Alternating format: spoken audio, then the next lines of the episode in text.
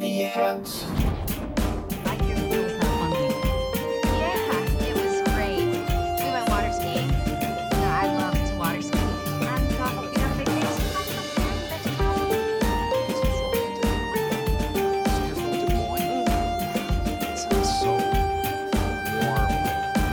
Hej och välkomna till TV Head som återuppstår i en restauranghörna i Stockholm. Tyvärr idag eh, på programledarsidan bara med mig, Göran Danasten. Bengt eh, Strömbro är i Umeå och mekar med sin snöslunga som hade problem. På tisdagar så har ni kunnat njuta av eh, Veckans brott tidigare under säsongen och eh, ni kanske går och deppar för att det programmet har tagit slut. Men nu på tisdag Lite beroende på när det här är redigerat och upplagt, kanske till och med idag, så kommer det en ny serie som heter Storuman Forever. Och runt vid det här bordet eh, där vi sitter så sitter tre av nyckelpersonerna till det här programmet och det tänkte vi prata om idag. Och då är det en ära att först och främst säga hej och välkommen till Heidi Andersson, Tjena, tjena. Björn Ferry Hallå där! Och eh, en person som inte är lika bekant kanske men som ändå man skulle kunna beskriva som en magnat inom eh, Sveriges eh, tv-produktion. Johan Lindqvist från produktionsbolaget Stockholm-Köpenhamn, välkommen! Hej, tack så mycket. Storuman Forever, tisdagar 21.00 i SVT1 med start den 20 mars. Om jag får börja med den banala men ändå viktiga frågan, Heidi och Björn. Vad är det vi kommer att se? Vad är Storuman Forever för något? En dokumentärfilmserie. Ja, med fokus på klimatförändringarna. I grunden handlar det om att jag och Heidi har en egen personlig målsättning om att bli fossilfria till år 2025. Och det har vi haft i några år nu, men sen insåg vi att man kommer inte så långt om bara två personer försöker rädda världen. Så därför så börjar vi där vi står och vi bor i Storuman. Så det är det programmet handlar om, att vi ska få med så många av Storumanborna som möjligt och se om vi kan bli en förebild för resten av Sverige. Och, sen räddar vi hela Sverige, världen. och Sverige är en förebild för världen. Ja! Det är början på något stort det här. Känns det som att bollen är i rullning? Det är ju ganska avgörande för hela civilisationen kan man säga. Så det, det, är, det är stort så. Sen får vi se hur långt vi kommer. Om det här är ett steg i rätt riktning eller om folk lägger sig ner och dör. Och, och en utgångspunkt i det, det är att, och det kanske man inte tror, jag vet inte men Storuman är inte särskilt bra som det är nu på, på utsläpp. När man tittar på såna här hållbarhetsrankingar så ligger vi ju i bottenskiktet. Eller låg. Låg i alla fall, den är ju bra. För det händer ju saker. Nu sitter vi här med ett fantastiskt, säger jag då, fem timmars, fem gånger 60 minuter Storuman Forever. Hur, hur, hur började produktionen? Var startade det någonstans? Jag misstänkte att den frågan skulle komma så nu sitter jag och försöker snabbminnas hur det här började egentligen. Men eh, det har ju inte bara... Jag jobbar för ett produktionsbolag som heter Stockholm Köpenhamn. Och vi har i flera år försökt hitta på ett program som handlar om klimatfrågor. Och jag vet att alla andra produktionsbolag också har jobbat med det där. Och, och några har sänts, mindre program, men det är väldigt, väldigt svårt att göra ett underhållande program om klimatfrågor eftersom väldigt mycket handlar om att sluta göra saker. Det är svårt att göra ett underhållande program om folk som inte flyger, folk som inte kör bil och folk som liksom... Så det har varit svårt väldigt länge. Sen kom den här idén med Björn och Heidi upp. Jag tror faktiskt att den kom från Bobo Krull från början. Känd för många som radioprofil och även tv-man. Jag tror faktiskt att det var han från början som tipsade om att Björn, eller visst fan var det så? Ja, det var... eh, Björn fick ett Ja, förslag. men jag, jag skickade ett förslag till Bobo Krull, för han var den enda som jag inte kände i tv-världen. Så det heter. Jag skrev ihop en idé helt enkelt. Skickade Bobo Krull, vad tror du om det här? Och vilka skulle kunna tänkas göra det här? Ja, du, skick, du, bra skick, idé! du fan. skickar förslaget. Jag höll en presentation om hållbarhet och vår fossilfrihet för Sveriges Radio i, och, i Umeå. Och så skickade du det förslaget och jag tyckte det var skitbra. Skicka iväg det sa jag. Då skickade Bobo och så, ja, då tyckte jag, då är det nog det här produktionsbolaget som, som skulle passa bäst. Och sen kom det vidare. där. Ja, men sådär är det. Det blev ju inte samma idé som jag hade tänkt från början. Det är ju ett helt annat program. Men det var ändå så det började. Det fanns ju några poletter där. Björn och Heidi, att hitta två personer som är genuint intresserade av de här frågorna. Och som på riktigt har så här, nästan kan ta på sig att det, det är vi eller ingen. Antingen räddar vi världen eller gör ingen annan. Det finns ändå en sån känsla hos er. Nu tittar ni på mig som att jag är sinnessjuk. Men, men ni har, men ni har, ja, men ni har, ni har en, en, en, en sån megalomanisk självbild i det här avseendet. Eh, så det, då hade man en, en trovärdig grund att stå på. Och sen så är det turen då att ni kom från Storuman som är ett hanterbart stort samhälle som dessutom råkar vara ligga lågt på miljörankingen. Så det fanns liksom två superhjältar och det fanns ett tydligt problem. Där började ju idén gro tillsammans med, med, med, med Björn och Heidi och, och massa personer på vår utvecklingsavdelning och det finns en massa människor. Och så där.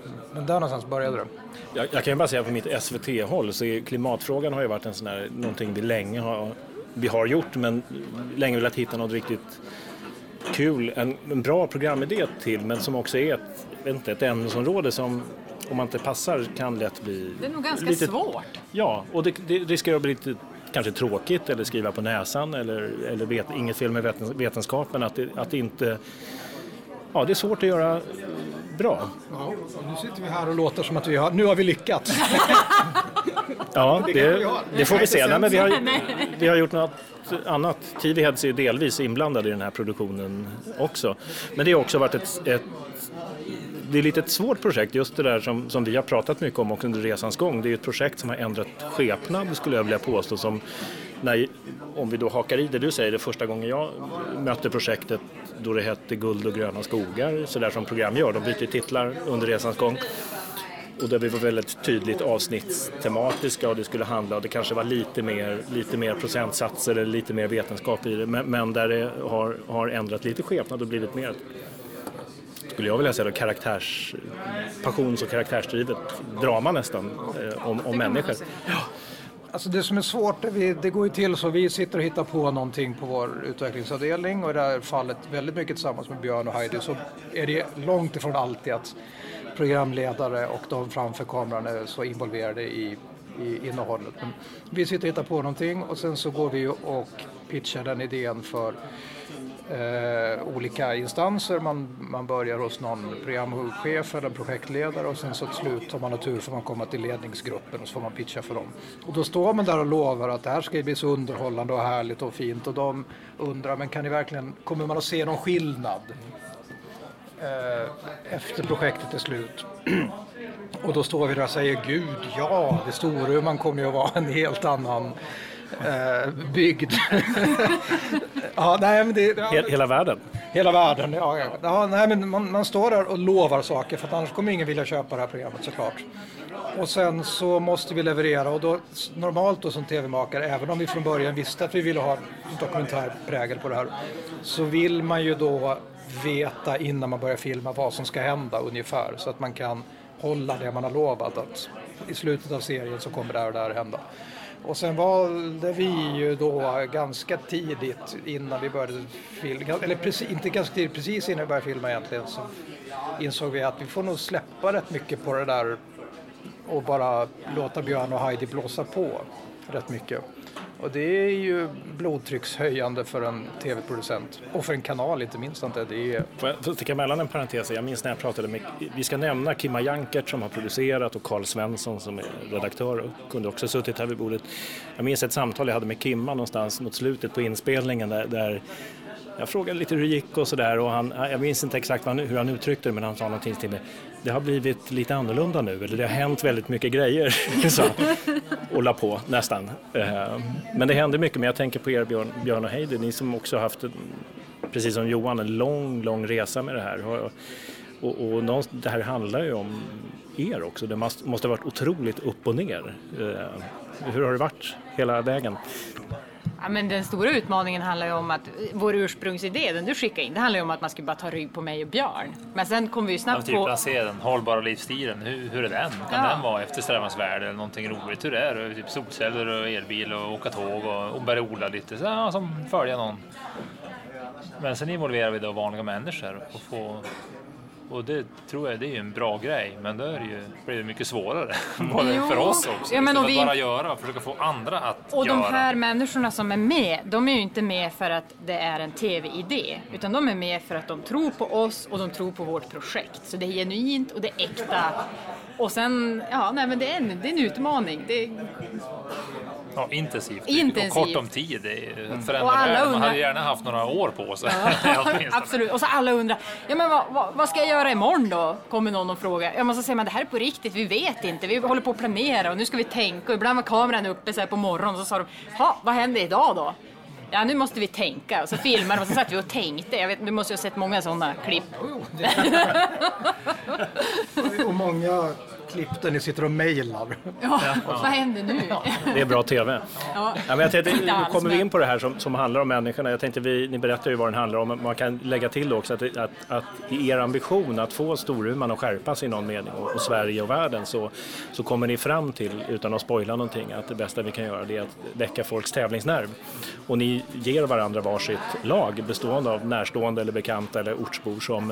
Och jag känner lite för att Eftersom ni och de här människorna är så viktiga i, det- i de det handlar om. Ska vi ta en liten snabb genomgång av vilka stjärnor vi kommer att möta förutom er i... Halva byn ensamheten. Ja, lite, li- halva byn.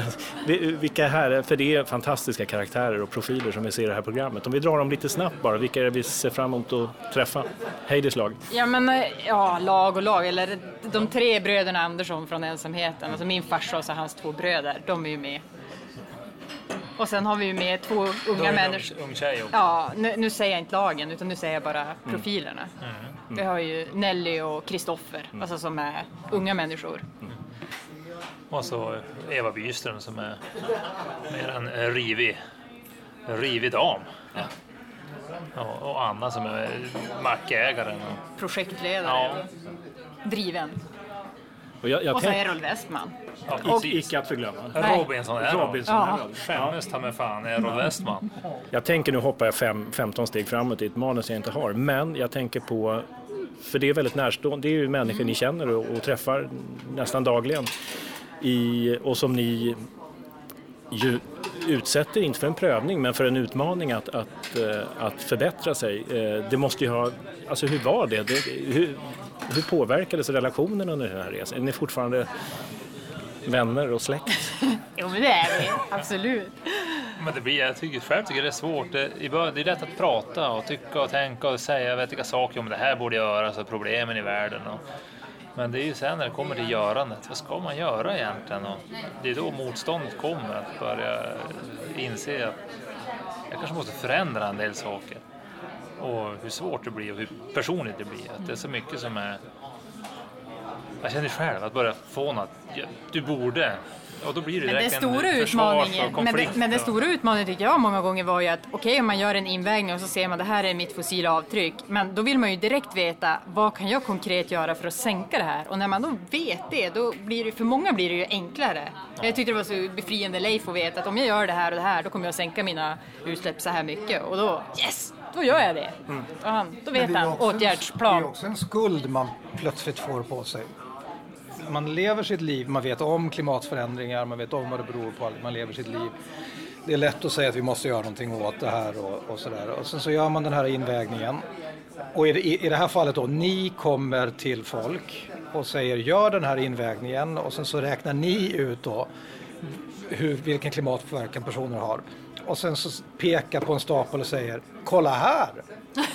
Dina jävla bilresor är en, en stor bidragande faktor till att inlandsisen smälter.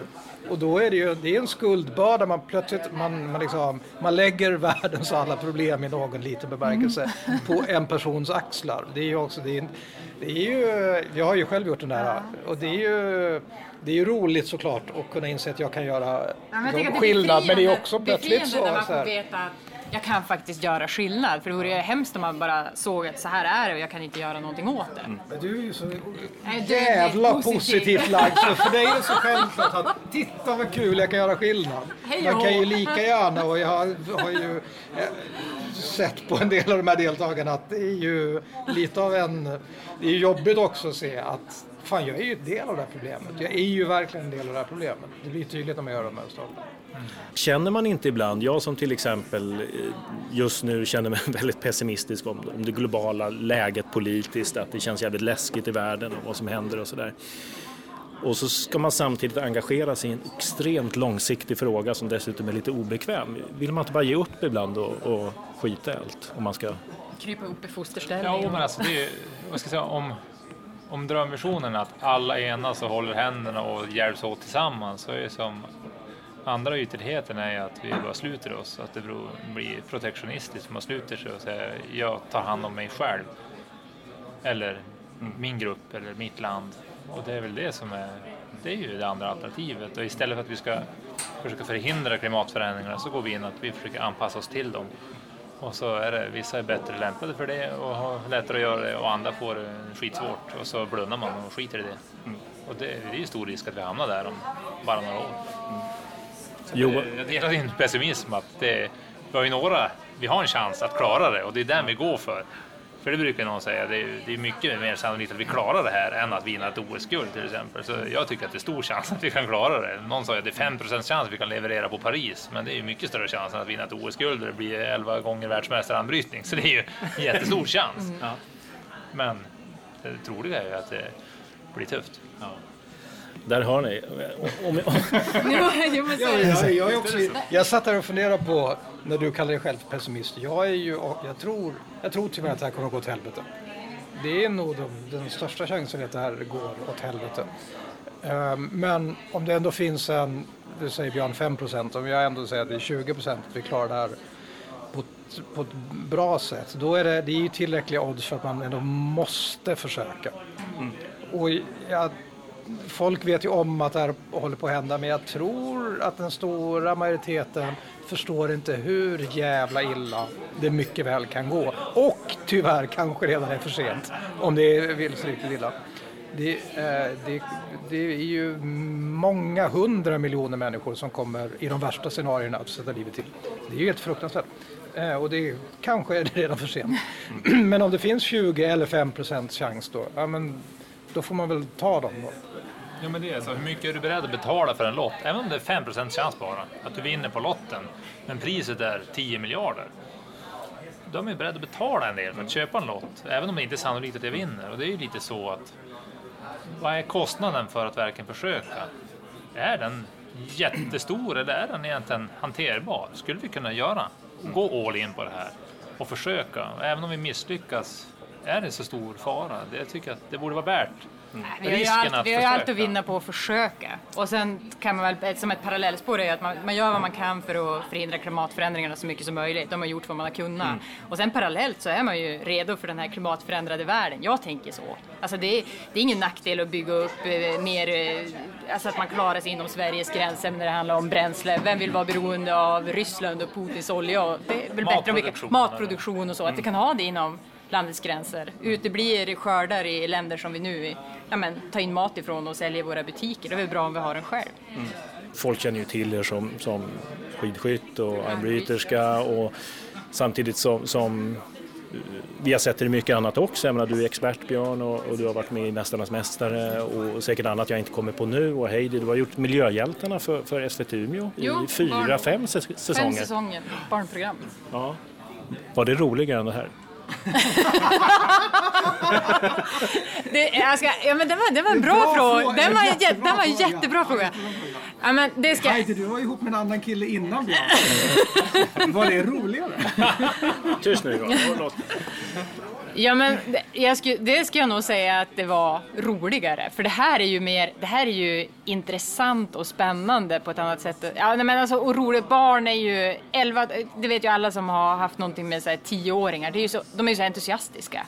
Alltså det allt är möjligt. Jag känner mig som på samma nivå som dem. Alltså det är verkligen positivt. Och det är framtiden, det känns hoppfullt och de vill. De vill vara miljöhjältar, de vill vara goda planetskötare, de vill förändra världen.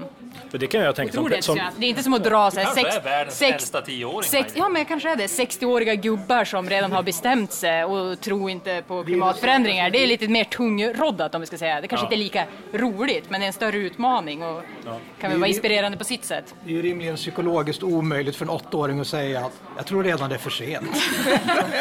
Den är, ja, men, ja, men att de är som, men de är ändå som entusiastiska och hänga på saker och vilja och ja.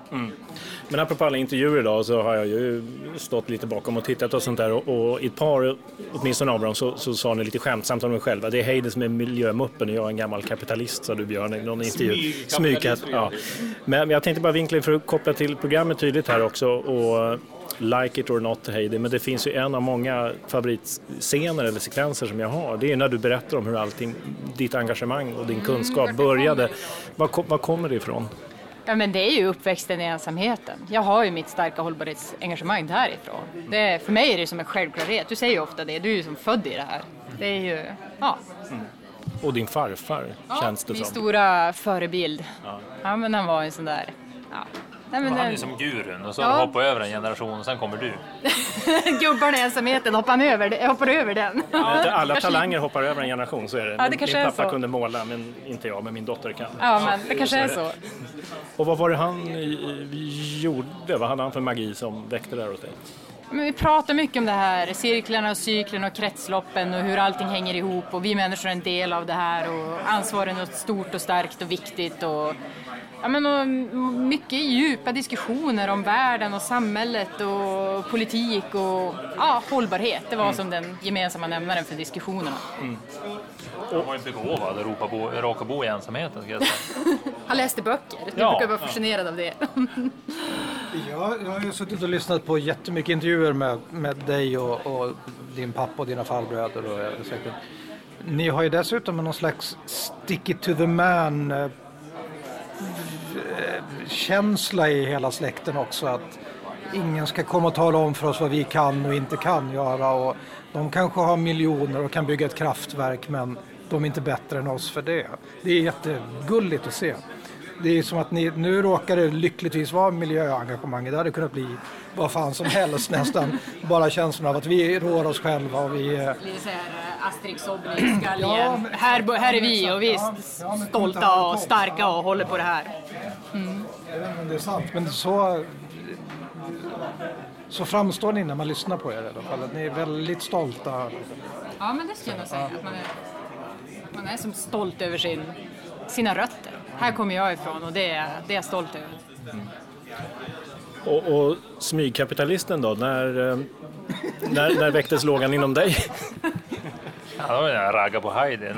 Och jag började prata om ekohus och du pratade om Jo, riskojor och pratade om sånt där och, och jag har ju varit mer ekonomiskt intresserad. Och, men då, till slut landar man ju att ekonomi, det handlar om att hushålla med resurserna. Det är ju ordets betydelse. Så att ekonomi och miljö är som inga motsatser utan det är mer att de man ska inte skilja dem åt utan det ska inkluderas. Det är ju för marknader och marknadslösningar. Det är bara att man ska ta hänsyn till miljön i det här. Om man gör en gruva eller vad man gör. Och då, då tror jag ändå på marknadsekonomin. Så därför tycker jag att det, det passar ihop. Och är man då intresserad på lite längre sikt, som jag blir, jag gillar att tänka jättelångt.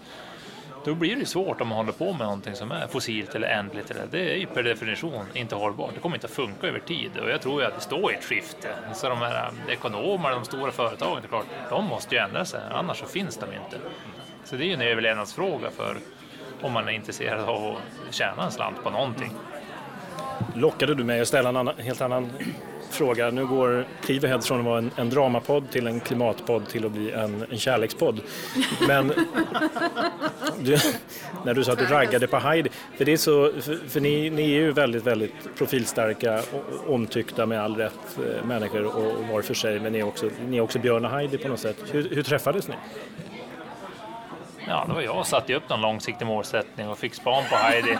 Alltså det var eh, väldigt metodiskt sådär. marknadsanalys. Ja, jag gjorde typ Men en marknadsanalys. övningskörde inte ni, du och din Jo, mor jag och runt morsan var ensamheten? övningskörde i ensamheten och jag fick någon, hon sa någonting om att det här, Heidi, hon verkar ju vara en bra människa. Var jag, "Jo, men då är det som en bekräftelse av morsan att ja, kan jag, ja, ska jag prova att ragga på en gång på en hemvändarfest. På hotellet i Ja, Storuman. Hur många år är det mellan er? Tre. Så Tre vi har aldrig år. gått på samma skola även om det Nej. finns bara en skola i Men Storuman. den, den gången gick det inte så bra, men då var jag, jag kände som att det där är bra. Så Ja, men jag laddade ett helt du, år du, för fråg- nästa gång. du frågade ju om det var, du, du drog ju till med en fråga också. Du, ett, en mening sa du till mig. Kommer du ihåg vad du sa?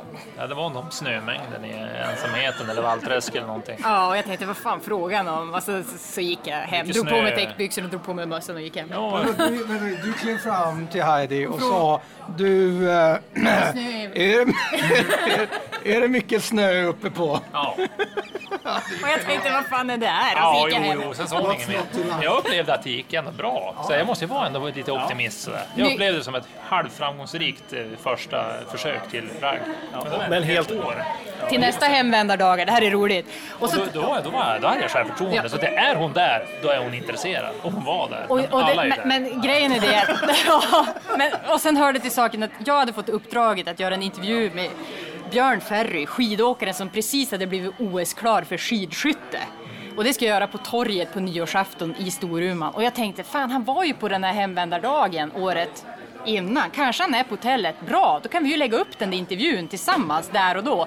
Så jag... Kommer hon framåt? Jag springer bara, på det inte Björn." Det är inte sant! Jag visste inte om att det där skulle hända. Så jag ska göra en intervju med dig. Vad pratar du om? Jag är här för att ragga på dig. typ. Ja, det var... Sen Och jag hade rent affärsmässigt att jag skulle göra intervjun. Men det hade ju inte blivit något om inte jag hade försökt. Du tyckte jag var en bortskämd idiot egentligen. Uh, säger väl världens längsta mening. Ja, du, du säger det i programmet tror jag också, den där bortskämde Björn Ferry. Bortklemade tandläkarungen och så drar jag till med någonting mer. Lillebror och Du har stackare. sagt att du ville bara åt mina gener också. Ja, men jag har sagt att vi är ett bra team också. Ja. Eh, För mig bygger det på kärlek. Du vill åt mina gener. Ja, men du har nog bra gener kan jag tänka mig. Ja. Du ser ut som en... Så jag brukar säga det, om man får Heidis miljö och mina gener, då blir det bra grejer. Ja. Så vi, vi kör på det upplägget. Eh, ja, Björn och Heidi som vi alltså kommer att följa nu i Storeman Forever eh, och som ni förstår nu man inte får missa. Jag tänkte så här, eh, vi ska inte sluta riktigt än, men, men vrida tillbaks det lite till TV-podden så här och, och som ni förstår nu, det är många starka viljor och starka människor, en viktig fråga i centrum i det här programmet. Eh, om ni sådär spontant från höften skulle berätta, berätta något minnesvärt ögonblick från den här inspelningen. När har det varit som roligast, jobbigast, mest utmanande? Eh, när har ni tvivlat som mest eller när var ni som lyckligast? Ja, för mig, en en av de största segrarna det är att vi har fått den här Bobo Krull att åka nattåg upp till Umeå och sen buss till Storuman. Ja, Alltså att hela produktionen i sig accepterar premissen om att vi ska göra det här så hållbart vi ja, kan. vi skrev in det i avtalet. För det tror jag aldrig har hänt tidigare. Så det är som en halv seger bara där. Det här det är tillräckligt riktigt, många människor vägen. så att det ändå har en effekt som jag tror är bestående. Ja, ni sitter med två personer vid bordet här också som kommer kliva på nattåget eh, på fredag. Ja, då vi kommer ha grandios premiär på första avsnittet i Storumans Folkets hus. Johan, då, många utmaningar på vägen när, när minnesvärt. Ja, alltså det är ju eftersom vi valde då att göra det här så dokumentärt som möjligt. Eh, Heidi och Björn får väl liksom, de, det, har funnits hållpunkter men, men ju, och ju längre inspelningen led desto mer egentligen fick ni köra ert liksom, race. Och, så, och det är ju jättesvårt. Jag skulle säga att det är ju alltså Kimma Jankert som var producent på plats som har styrt det där och jag har suttit hemifrån och nu sitter jag i redigeringen och försöker få ordning på det här. Eh, men man, man sitter ju då och är nervös för vad det blir för det här och sen så det slutar ju dessutom med, du, du frågar ju Björn och Heidi om, de, eh, om det var jobbigt att involvera folk i sin närhet och det är ju efter ett par månaders inspelningstid så mycket riktigt så lackar ju folk ur då i, i Heidis närhet, hennes farbröder, eller framförallt en farbror då, Leif.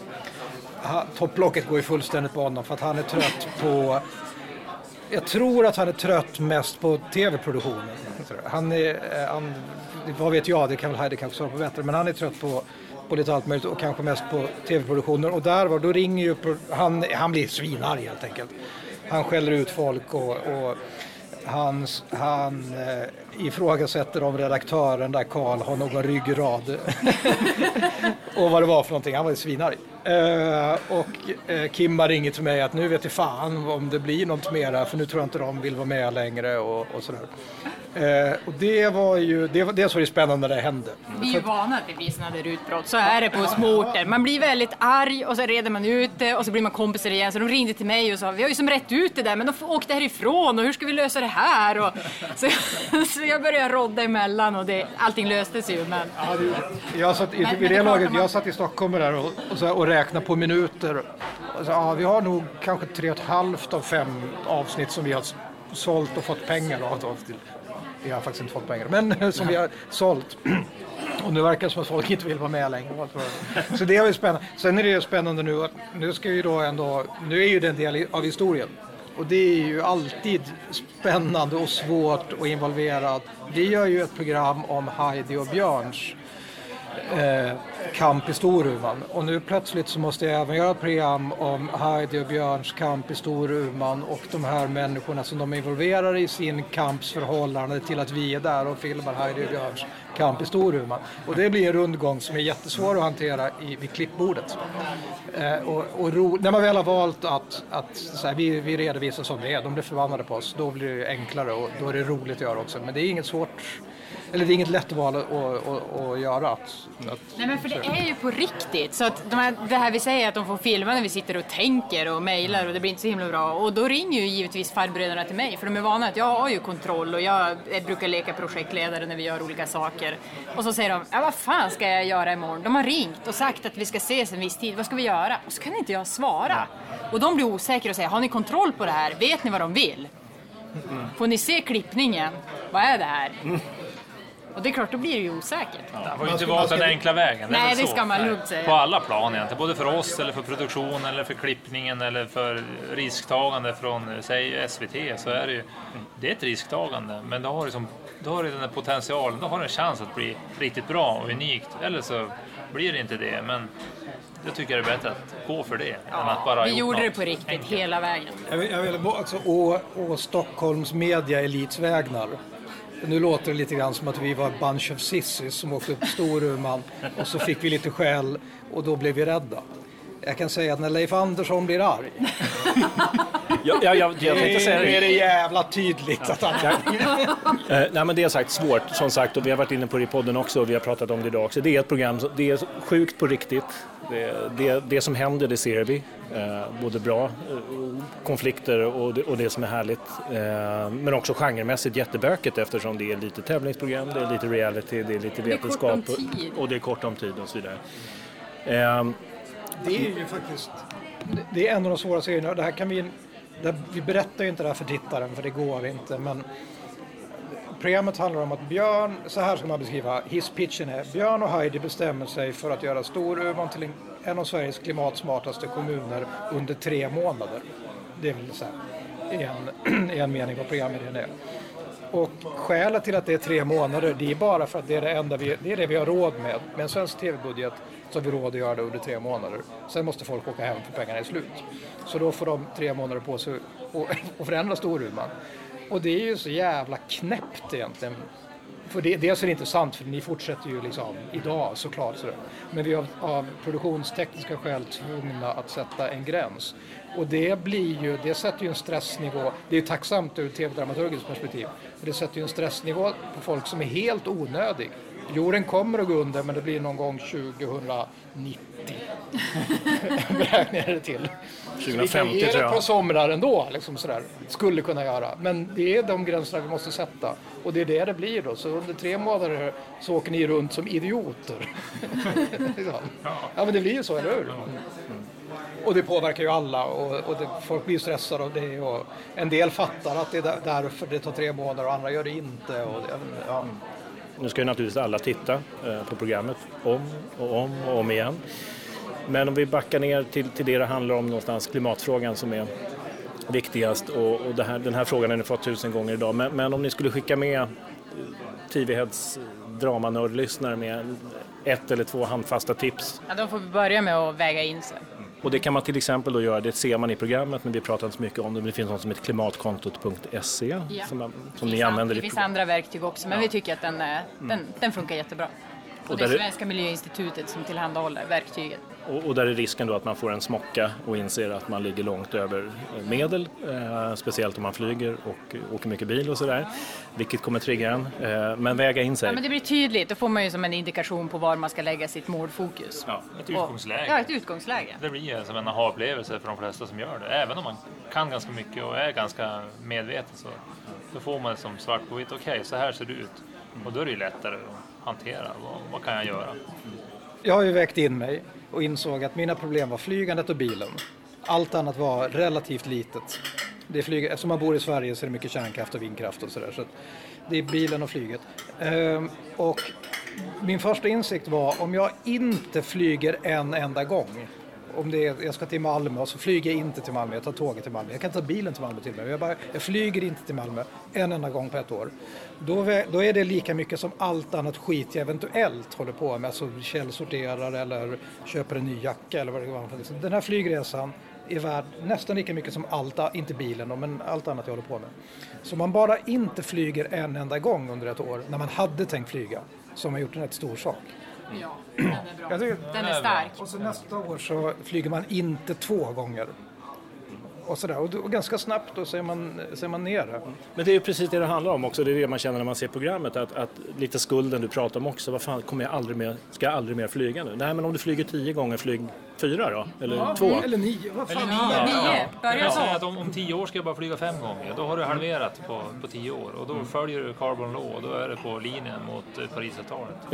Eh, och TV-podden lovar också att vi ska vara, för det har vi inte sagt nu, men det är undertexten när ni har sagt i andra intervjuer att er målsättning eller er ambition, eller ni kommer ju vara det, det är att vara klimatneutrala, säger jag rätt, till 2025. Säger jag och tittar på Björn och Heidi. Får man fr- fråga vad ni ligger, om medel i åtta idag, vad ligger ni idag?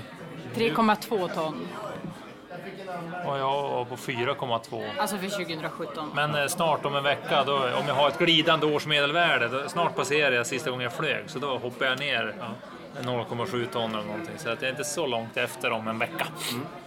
Då är vi nästan, nästan på samma nivå. Kvartalsrapporter. Och ap- och apropå det här med tävlingsnerv som är en viktig del i det här programmet och i förändringen. Spontant kände jag att om jag går då, då kan jag gå och gräva ner min myr så vinner jag över Björn. Men det, jag kommer nog inte att göra det. Eh, Jag backade. ja, du backar.